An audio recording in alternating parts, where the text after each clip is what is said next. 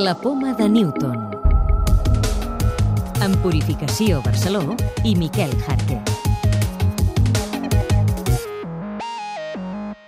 Avui dediquem el nostre espai de ciència a explicar-vos un descobriment capdavanter en la lluita contra el càncer.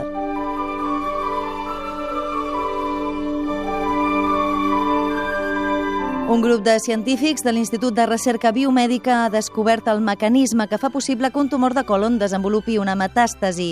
Segons l'estudi, la metàstasi apareix quan les cèl·lules del tumor aconsegueixen que cèl·lules sanes col·laborin en el procés tumoral. Eduard Batlle, coautor de l'estudi les eh, cèl·lules tumorals no són eficients fent metàstasis i el que fan, el que hem descobert que fan és s'ajuden del seu entorn per poder fer metàstasis. Es comuniquen, envien missatges al seu entorn, aquests missatges corrompen la funció habitual de les cèl·lules que viuen en aquests òrgans, que són colonitzats, de forma que ara les cèl·lules d'aquest entorn faciliten el procés de metàstasis. Una de les idees que es desprèn de l'estudi és que precisament estudiant en cada pacient si el tumor és capaç o no de comunicar-se amb el seu entorn, podem eh, predir quin és el risc que té aquell pacient de desenvolupar metàstasis o no. I, per tant, això és una eina diagnòstica, pronòstica, als pacients de càncer de colon.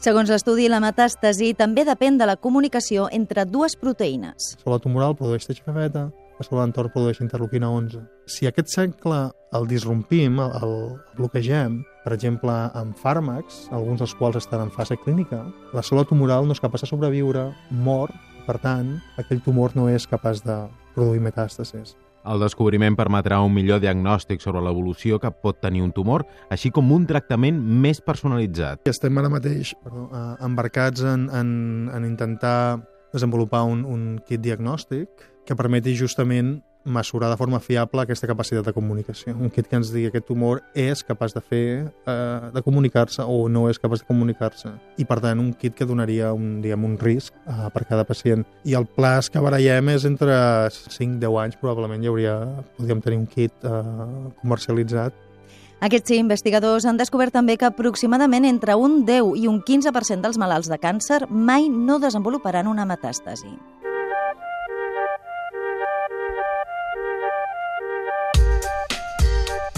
Avui us parlem també de Venus. La sonda Venus Express de l'Agència Espacial Europea ha descobert que Venus té erupcions volcàniques. Investigadors del CSIC aconsegueixen seqüenciar el genoma complet d'un bacteri resistent als antibiòtics. El treball és un primer pas per lluitar contra bacteris multiresistents que s'estan estenent per tota Europa.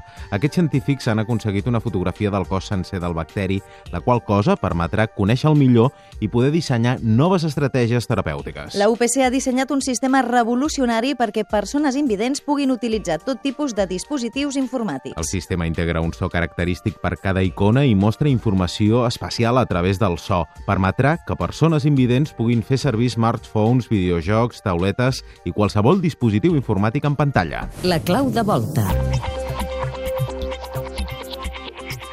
Què és el Big Bang? Jordi Isern, director de l'Institut d'Estudis Espacials de Catalunya. El Big Bang és una teoria per explicar l'origen de l'univers. Quan nosaltres mirem les galàxies, veiem que s'allunyen de nosaltres tan més de pressa quan més eh, lluny estan de nosaltres. I això vol dir que mirant cap al passat, la matèria havia d'estar molt més condensada. És a dir, que en algun moment donat, l'univers en si mateix va experimentar una gran explosió que popularment es coneix com a Big Bang.